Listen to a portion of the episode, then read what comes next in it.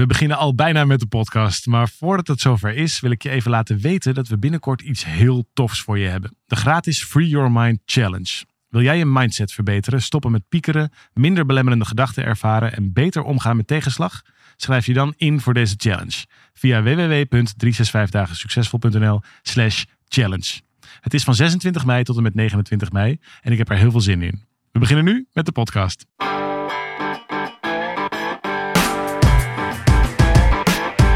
Van harte welkom bij deze podcast van 365 dagen succesvol. Wij zijn David en Arjan en we delen in deze podcast de eye-openers die cruciaal zijn voor een gelukkiger leven. Wat zei je nou net vlak voordat we gingen opnemen? Ik zei het is vandaag 29 februari. Het is sch- schrikkeldag. De, de, de, de dag die niet bestaat. 366 dagen succesvol. Ja, precies. Ja, en mooi. toen zei jij iets over het ego. Wat had dat ja, de nou dag met deze... die, die dag is ontstaan vanuit ego. Ja, überhaupt is onze jaartelling en de, en de Caesar die daar ooit enzovoort. mee begonnen is. Zeker, want dan kon hij praktisch zijn, zijn troepen op de, op de plek waar hij oorlog wilde voeren ja. eh, hebben. Dus dat had wel iets te maken met de planning. Maar eh, er was nog een, een grote leider, eh, namelijk leider Augustus. En die wilde ook 31 dagen. En dat, want het was omwisselen en dan kwamen we een beetje uit. En toen moest er dus ergens anders een dag bij. Er kwam een soort verschil in die, in die kalender. En daardoor is die ene schrikkeldag Is dat ontstaan. echt? Ja, dat weet ik niet, maar ik vind Dat het is wel een mooi verhaal. Wel een mooi verhaal. Ja, echt, ja, ik, zo, zo, gewoon een zo dagje, oh, net niet, we gingen net niet in een juiste Nee, tijd ja, rondom de zon. En Als je bijvoorbeeld de Maya-kalender bekijkt, die Ja. is dus heel precies.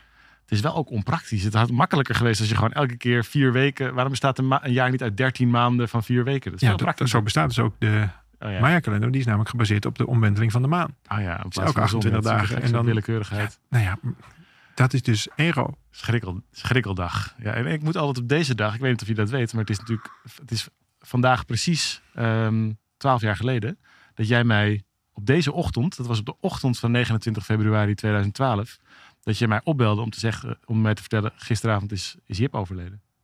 Dus voor mij is schrikkeldraad, dat komt misschien omdat het, oh, Schrikkeldraad. schrikkeldraad, schrikkeldag. Is schrikkeldraad. Ja, nee, maar dat komt misschien maar omdat het maar één keer in de vier jaar Ja. terugkomt en daarom blijft zo'n herinnering zo levend Ja. Dat, dat ehm, voor mij is dit altijd de, de Jipdag. Heel gek, omdat, en dat is heel bijzonder. Dat Ja, dat uitgerekend deze dag maar één keer het is eigenlijk 28 februari. Ja, dat is zijn 29 sterfdag. En voor mij is de dag Ja. daarna natuurlijk de dag. Hij dat wilde zelf ook heel graag op 29 februari overlijden. Ja, Dus dat, dat, ik weet niet of hij het erom deed, maar op een paar uur na had hij het nog bijna gered ook. net niet gelukt. Maar hij stierf de avond van, eh, van 28 februari. Ja. En ik ben, ja, god, voor zover dat, het maakt me ook niet zo heel veel uit. Maar ik ben wel voor mezelf in ieder geval wel blij dat het op de 28ste is. Zodat, je er, zodat het vaker in je agenda staat, bedoel je? Ja, dan, dan, want anders, wat ga je dan doen? Als zou hij op die negen, dat ik vond het ook wel Ja. mooi dat hij de 29ste wilde. Dus Ja. ja, dan hoef je maar één keer in de vier jaar met te denken. Dan heb je Ja. maar één keer in de vier jaar die. Ja, moest dus weten dat we daar nog zo'n, eh, dat we al die boeken aan hem hebben opgedragen. En dat we Ja, dat het zo- heeft we behoorlijk, eh, zoveel vaker aan hem gedacht hebben dan dat hij misschien zichzelf ooit had kunnen indenken. Ja, nou, met liefde. En het, dat is, het is heel. ehm, ik weet niet of ik dat hier wel eens verteld had, maar ik was laatst eh, geïnterviewd door. god, dat is een programma van de Evangelische Omroep. Hoe heet dat nou? Ja, voor, voor hun website overigens. hoor. Dus het was verder. Maakt niet uit hoe het heet. ja, eh, ik mis je of Ah, zoiets. Of omdat ik je mis. Of ik, ik weet het niet precies, maar zoiets. En, en dat was in dat interview. Dat is echt nou, twee maanden geleden of zo. ehm, dat ik dat ook voor het eerst zo kon ervaren. Dat ik dacht, Mm. hé, hey, dat is wonderlijk. Want dit is nu echt lang geleden. Ja. is twaalf jaar geleden. En misschien heb ik ook wel in een poging om, om want ik, ik deed dit werk al met Jip en Ja. dat we dit zo samen zo, zo ook wel succesvol hebben doorgezet. Ja. Misschien ook wel een poging van ontkennen van het wegvallen van Jip. Mm. Dus het, zij confronteerde mij op een, op een hele fijne manier hoor. Maar daarmee zo van, goh, zit je dan eigenlijk ook nog in welke rouwfase? Zo kwamen we er geloof Ja. ik op, in welke rouwfase zit je? En toen ont, ontglipte mij, ja, misschien eigenlijk ook wel in, in, in een van de eerste rouwfases. Misschien is het ook wel een vorm van ontkenning. Want als je er maar mee bezig blijft, als je maar doorgaat. En toen hebben wij natuurlijk een behoorlijke bocht gemaakt, ook in ons verhaal. En, en door COVID ook een tijdje even stilgestaan. Ja. En ik heb het gevoel dat we nu ook echt een nieuwe weg zijn ingeslagen. En dat is een weg, en ik wilde zeggen zonder Jip, maar het is eigenlijk een, een veel meer een eigen weg. Mm. En de dankbaarheid voor Jip Ja. is natuurlijk heel, ehm, heel erg overeind gebleven. Ja, Maar dat hele Dat idee verandert van nooit Jip, meer natuurlijk. nee, dat verandert nooit meer. Maar dat hele idee van Jip, van hè, maak er iets van en ga ervoor. En Ja. tijd is je kostbaarste bezit enzovoort. Ja, daar, daar komen we nu best wel een beetje van terug. Ja. Dus dat is wel mooi, mooi om dat zo eh, daar eens bij stil te staan. Ja. Mooi. Jip dacht, goh, ja, nou, je overvalt me ermee. Maar Ja. het, eh, dank je wel. Monique die reageert over de, op de podcast over negatieve opmerkingen en polarisatie. Heel mooi en verhelderend dit gesprek. Ik probeer het nieuws ook zoveel mogelijk te weren uit mijn leven. Omdat wij in dat gesprek daar ook over hebben dat dat Ja. soms niet kan helpen als je eh, de last hebt, zeg maar, eronder kunt lijden, onder wat je allemaal hoort. Ehm, eh, ik schaam me voor mijn angst. Daar zijn veel reacties op gekomen op die podcast. Daar hebben we ook al eerder over gehad. En J. Wilsing, die zegt... Ik heb gekeken naar mijn eigen manier van omgaan met angsten. En ik kwam tot de ontdekking dat ik in het verleden heel erg bezig ben geweest met overleven. Maar dat ik nu steeds al bezig ben met leven. Top podcast. Dat is mooi. Eh, en overleven is van, is van het ego. Overleven is vanuit angst, altijd. ja, En leven is vanuit liefde. Dus in die zin is dat bruggetje ook al heel mooi. Als je, als je leeft, dan val je samen met het leven. Dan Ja. leef je het leven zoals het leven wil dat het geleefd wordt. En Ja. dat is een zekere mate van overgave. Ja. En dus een, een mindere mate van zelf en ik. En nou ja, ik moet iets voorstellen en manifesteren. Dat is een beetje wat ik bedoelde met die bocht die ik net vertelde. In Ja. het programma van Jip was echt maak er iets van. Tijd is je meest kostbare bezit. Terwijl dat zit eigenlijk ook in de overleefstand. En tussenvoor, kijk, we onderscheiden in ons, in ons programma onderscheiden we drie systemen. Dus je hebt dat gevaarsysteem. En dat is echt het, het bijna hormonale systeem Ja, van dan- vechten, vluchten, bevriezen. dan staat het huis in de fik en dan moet je naar buiten. Ja, en, daar, en waar veel mensen leven constant door ook maar de druk in je werk, in je relatie. De hele tijd moet er iets. Is heel erg geld dat, kan opraken Exact. Heel erg in dat gevaarsysteem en overleefsysteem. Waar Jip ons toe uitnodigde was om de stap te maken naar dat tweede systeem, het jaagsysteem. En dat gaat heel erg over leef je volste leven. Leef voluit. ehm, behaal je droom groot en bereik je doelen. Dat is waar dat stuk over ging. En dat is ook waar de eerste tien jaar van 365 over ging. Ja. Wat volgens mij een prachtige eerste berg is om te beklimmen in je leven.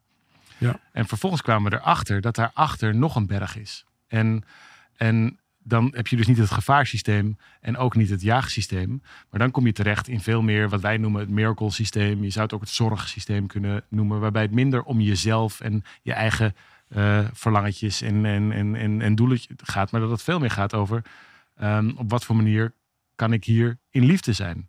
En dat is een, echt een ander soort vraag. Waar ook een heel ander soort leven uit voortkomt. Ja.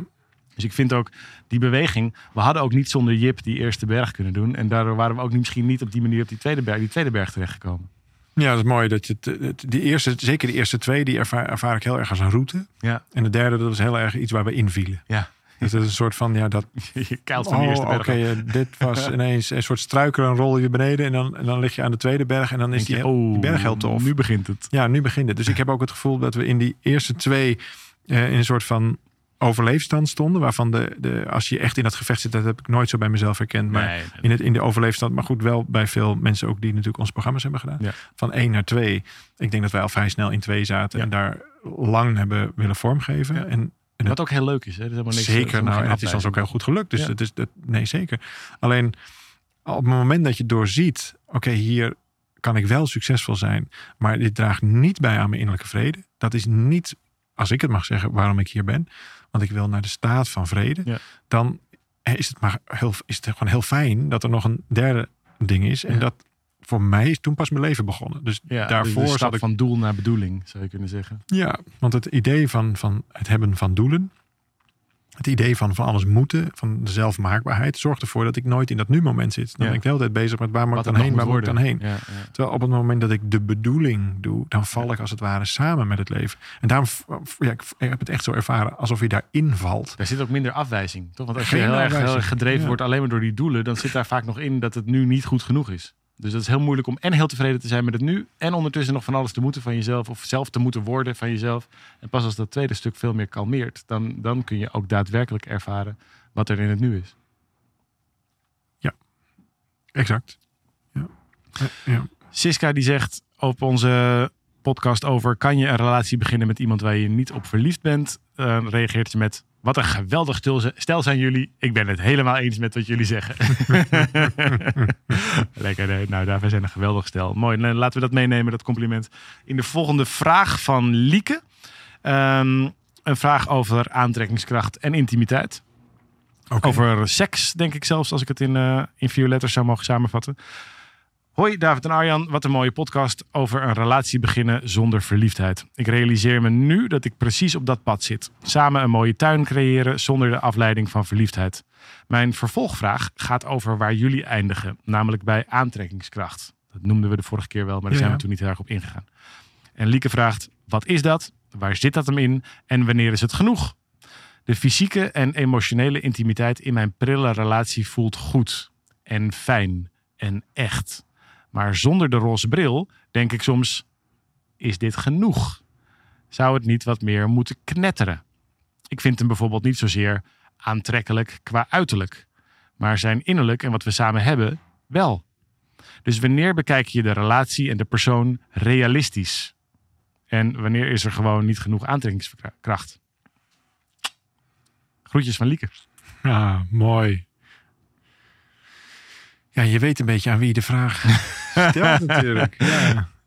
Dus het, we zullen niet snel een antwoord geven als... eh, ja, een kop voor de radio. Je kunt, Wegwezen. kunt beter, beter naar... Dumpen maar en zoek een knappe man. Ja, nee, ja, weet je wat het is? Kijk, je, je zult al vrij snel ervaren dat werkelijke aantrekkingskracht niks met het fysieke te maken heeft. Ga namelijk maar voor die ontzettend knappe man, als het dat is. En dan, dan gaat ook die ontzettend knappe man op een gegeven moment iets minder ontzettend knap zijn. Of ga je in ieder geval ontzettend eh, in het. Het ego gaat dat in ieder geval op een gegeven moment vervelen. Dus dan Ja. moet er een volgende ontzettend knappe man. Dus je speelt dan een heel onhandig spelletje waarvan je eigenlijk al weet dat je in de tijdelijkheid zit. Ja. En dat heeft niks met liefde te maken. Maar we worden hier zo op verpest, jongen. Het is echt de, de- dat je. Ik maak me echt zorgen dat, mijn, eh, dat mijn kinderen binnenkort oud genoeg zijn om ook allemaal op Snapchat en al die, dat soort dingen te, te Ja. gaan. En dat ik dat niet meer echt kan tegenhouden bij ze. En als je dan ziet wat voor wereldbeeld je opgedrongen krijgt.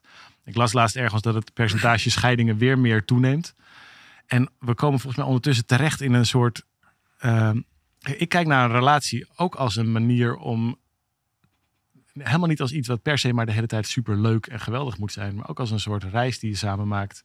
Waarin je soms ook een tijdje naast elkaar op de bus zit te wachten. Weet je, dat is gewoon even wat er, dat is soms ook gewoon in een relatie. En langzamerhand door die, doordat we in een soort hapsnap, instant gratification, behoeftebevrediging wereld terechtkomen. Waarbij iedereen filtertjes over zichzelf heen schuift. Alles maar perfect moet zijn de hele tijd. Vergeten we, dus we, we zien de hele tijd een soort valse wereld. En daar vergelijken we dan onze eigen wereld mee. En dan zien we de hele tijd, ja, kijk, eigenlijk heb ik gewoon een, een hele leuke man. Het is goed en fijn en echt. Maar ja, het kan ook. En dat is, da- daar zit volgens mij zoveel gif in. Wat we ondertussen onszelf de hele tijd maar inspuiten.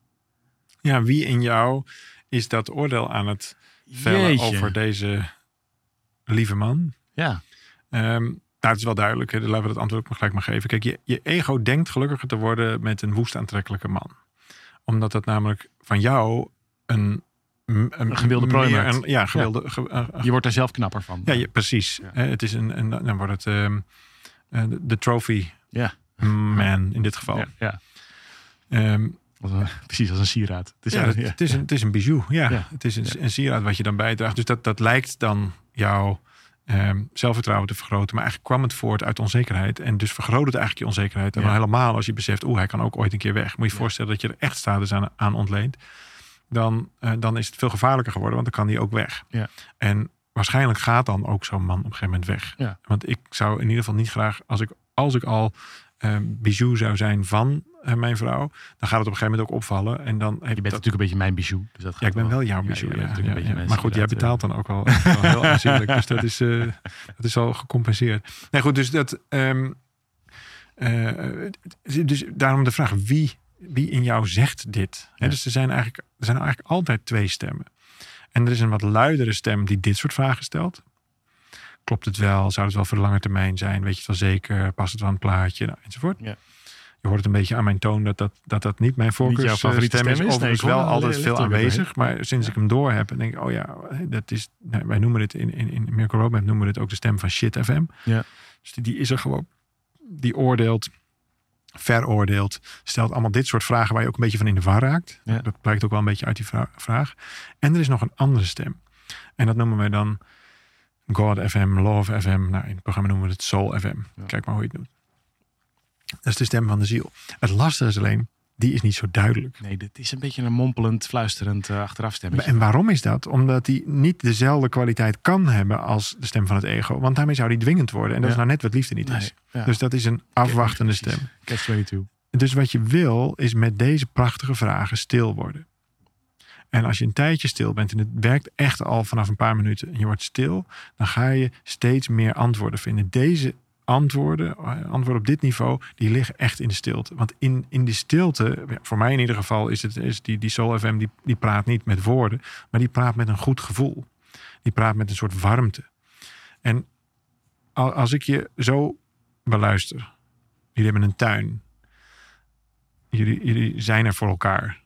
Je, je, je snapt het ook in de diepte van hey, dit, is, dit is eigenlijk heel fijn, dit is bijzonder, dit, is, Ja. dit is, heeft waarde wat we hier zo met elkaar Ja. hebben. En daar word je stil mee. Dan denk ik dat, dat je heel snel al de diepere antwoorden vindt op deze vraag. Want reken maar dat het ego eh, dan stil wordt. En dus ook daarmee je, je, je vraag verdwijnt. Ja, dan is die liefde kalm. Kalme liefde is het mooiste wat je kan overkomen. Ja, en on- maar ondertussen, dat is volgens mij het interessante hieraan. Want ze vraagt ook, zou het niet wat meer moeten knetteren? En ga het En- ook wel doen als je in het ego blijft, maar dan in ruzie vorm. Nou ja, dat kan. Maar je kunt ook, laat het samen knetteren. Dus je kunt ook vanuit, als je vanuit Oh, liefde, zo, ja. je- kijk, knet, als knetteren gekoppeld is aan de onzekerheid. En dat is natuurlijk in veel relaties zo. Het knettert omdat je ook weg kunt. Dus of er is conflict en dan moet het weer worden goed gemaakt. Zeg maar, daarom zit het nou, zij geknetter. bedoelt denk ik met knetteren, eh, gewoon knettergoeie seks. Woest, ik denk ik ook. Woe- Woeste, woeste seksualiteit. Maar dat kun, je, dat kun je toch samen gaan. Joh, als je van elkaar houdt, de relatie voelt goed en fijn en echt. Dan kan je toch met elkaar gaan kijken van... hey joh, ik heb zin om, om met elkaar wat dingen uit te zoeken op seksueel gebied. Nou, en dan gooi, je die, dan gooi je die kamer open. En dan ga je met elkaar, weet ik veel, dan ga je daar op onderzoek... Tuurlijk. hoe je dat in je relatie binnen kunt krijgen. Maar dat is namelijk een heel ander soort vraag. Dan ga je niet meer de relatie zelf ga je eh, voorwaardelijk daarvoor of ter discussie stellen.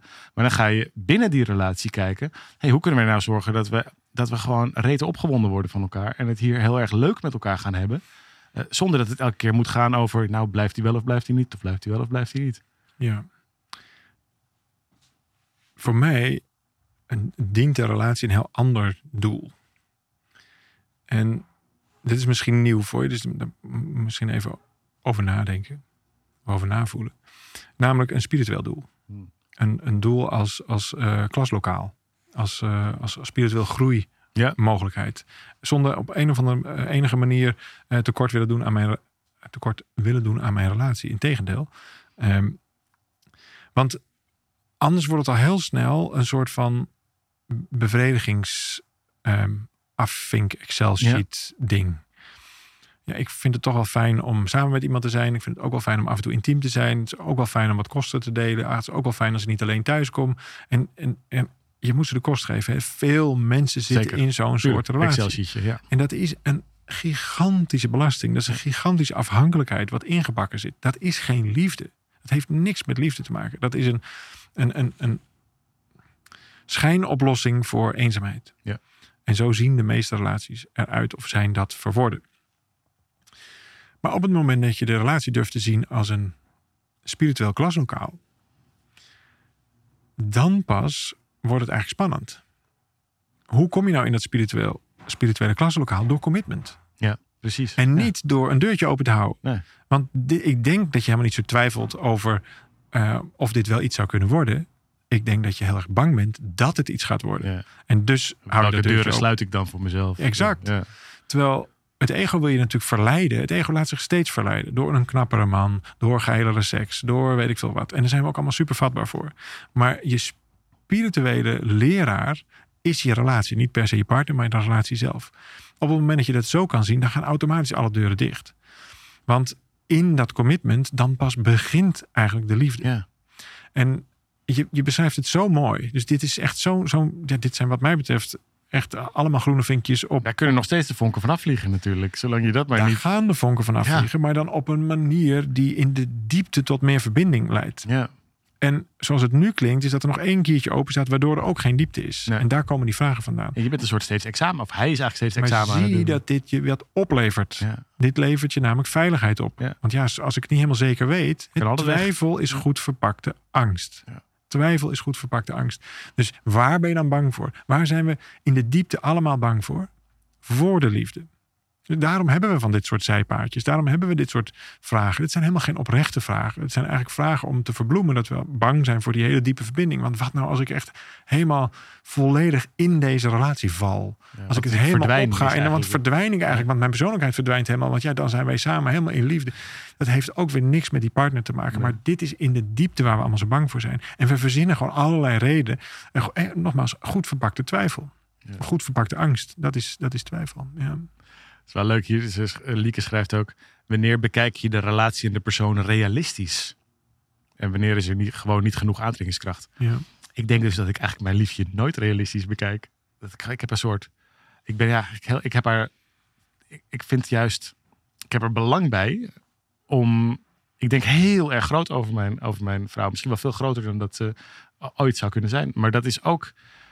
Wa- voor- Volgens mij is dat ook voor een deel wat liefde kan doen. Dus dat je. Liefde is zo groot, daar kun je met je hoofd niet bij. Dus Nee. je kunt niet overdrijven over de liefde. Dat Nee, gaat dus niet. ik heb geen idee of dat realistisch is, weet ik veel. Dat is dus heel realistisch, want liefde is zo groot dat kun je niet, be- niet begrijpen. Ja. Dus dit- pas op voor valse bescheidenheid. Want het, het idee dat we dat moeten kunnen begrijpen, of dat we daarin voorzichtig zouden moeten zijn om te overdrijven. Nee, je kunt niet genoeg overdrijven over de liefde, want dat is namelijk eindeloos. eindeloos. Ja. Dus dat kun je rustig doen. Ja. En het, het wordt weer wat anders als je dat doet uh, om, om, om jezelf, hè, het ego, daar een, een, een verhaal bij te vertellen. Kijk eens hoe geweldige trofeevrouw ik heb. Dat is niet wat je hier bedoelt. Nee. Maar op het moment dat je dit van binnen zo voelt, van ja, dit is Ik weet ook niet of je dat 24 jaar kan volhouden of zo. Nee, dan ga je, dat dat hebt op een gegeven moment weg, nee, denk ik. Ja, daar is in ieder geval een hoop, hoop kunst en vliegwerk Ik heb eigenlijk nog steeds zin om over mijn vrouw op te scheppen. Gewoon omdat ik er gewoon zo ontzettend, ach, eh, zo ontzettend bewonder. Ja, jullie zijn ook echt een heel goed stel. En kijk maar eens om je heen. Ik zei dat ook een paar weken geleden ook al. Eh, Kijk maar eens met hoeveel stellen je zomaar zou willen ruilen. Of laat, laat, laten we het nog, nog, nog praktischer maken. Kijk maar eens om je heen hoeveel stellen je zegt... Oh, dat is echt een heel inspirerend voorbeeld voor mijn relatie. Die hebben echt een leuke relatie. Daar zijn er gewoon niet zo heel Nee, veel. nee. En dat komt omdat we helemaal niet zo groot durven te spreken over liefde of over de relatie. En dat heeft helemaal niks per se met de praktische variant van de relatie te maken. Maar het heeft alles ermee te maken dat we in de diepte bang zijn voor die overweldigende, ja. of overweldigendheid van, van liefde zelf. Dus ik- ja, ik zou zeggen, Lieke, go for it. En misschien wat minder van dat soort vragen allemaal stellen. En met hem het gewoon zo leuk mogelijk maken samen. En dan gaat het vanzelf, komt er helderheid. Ja, daar heb ik iets ander idee over. Ehm, want dat is namelijk nog steeds op hem geprojecteerd. Ik zou zeggen, het, je hoeft echt niks met hem. Je hoeft niet dieper erin, je hoeft niet bij hem weg, je hoeft hem niet te veranderen, je hoeft jezelf niet te veranderen. Maar ga nou eens met gewoon 20 minuten stil zijn met het idee van jouw commitment. Er is iemand op mijn pad gekomen waar ik me veilig voel, waar we een tuin hebben, waar we dit en dit hebben. Hoe is dat voor mij om dat helemaal toe te laten? Dit heeft niets met hem te maken. Het heeft alles te maken met een eerdere ervaring waarbij je de liefde wat minder bent gaan vertrouwen. Geloven. Juist. En op het moment dat je dat weer toestaat, al is het maar 1%, daarmee heb je een andere deur opengezet. En dat is de deur naar de diepte. Dat is de deur naar een veel, ja, dat zou ik zeggen, spirituelere eh, connectie. Want de liefde komt niet bij je partner vandaan. Dat is eigenlijk mijn belangrijkste Mm. punt. De liefde komt uit de diepte en die kun je delen, zodat je er vervolgens beide meer van hebt. Ja. En dat is het mooie met liefde. Dat is het enige wat als je deelt, dat je er meer, Meer van het is krijgt. de douche die altijd aanstaat. Of je er nou wel of Exact. niet onder staat. Maar daar zijn we ondertussen ook bang voor geworden. Dus ik zou zeggen, trek er nog even terug naar een persoonlijk onderzoek. Als, het, als je daar een innerlijk ja op voelt en die, en die deur gaat open en er komt liefde voor terug, die voel je meer liefde, dan ben je echt helemaal in dat spirituele klaslokaal geland. En heb je geen enkele behoefte om naar woest aantrekkelijke mannen te gaan, want die gaan echt je, die diepte nooit aanraken. Nooit. Dus, dus daar zou ik zeggen, ga ervoor. En dan zie je het antwoord wel Ja. vanzelf. Nog wel interessant. Ik zit daarover na te denken. We gaan zo, we moeten hem afronden deze podcast. Maar er is natuurlijk zo'n zo'n verhaal in de maatschappij.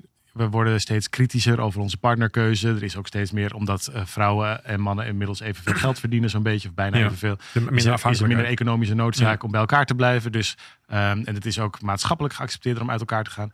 En de, de stroming die daaronder zit, is daardoor worden relaties beter. Want daardoor kun je strenger zijn, selectiever zijn, kritischer zijn. En, en, maar eigenlijk, eerlijk gezegd, tijdens dit gesprek ben ik me heel erg gaan afvragen of die aanname wel klopt. Want wat, je volgens mij, wat er volgens mij eigenlijk gebeurt, is dat we de weglopen voor de lessen. En dus dat relatie, dat we simpelweg minder goed worden in relaties. Omdat we veel te veel escapes ook, hebben. hè. Er zijn meer, meer, Meer scheidingen, ja, oké, maar goed, scheidingen zijn sociaal geaccepteerder. Misschien waren vroeger die relaties net zo, waren ook beroerd. Alleen True. toen bleef je alsnog bij elkaar in een beroerde relatie.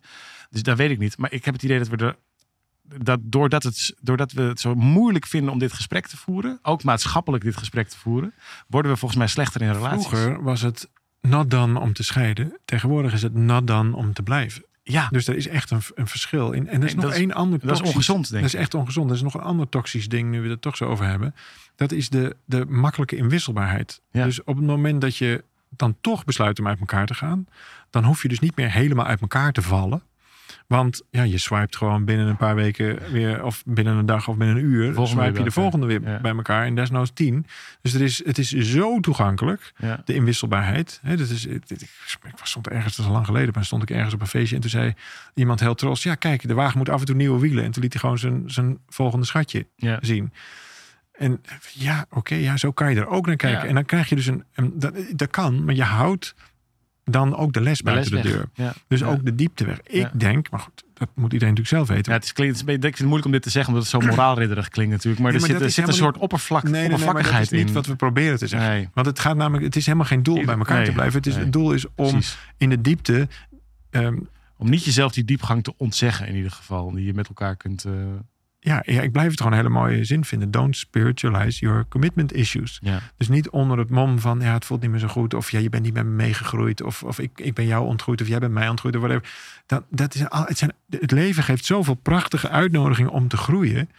Maar ja, we willen dat eigenlijk doen zonder pijn. We willen Ja. gewoon naar de volgende haai. We willen even swipe even weg. En hup, en dan Ja. of de volgende. Of lekker popcorn samenleving. een popcorn samenleving. En ik denk dat we daar geen leuke relaties van krijgen. En, dat, en doe het gewoon maar een tijdje. Dan kom je er vanzelf achter dat je daar de vrede niet zult Nee. vinden. Je bent steeds...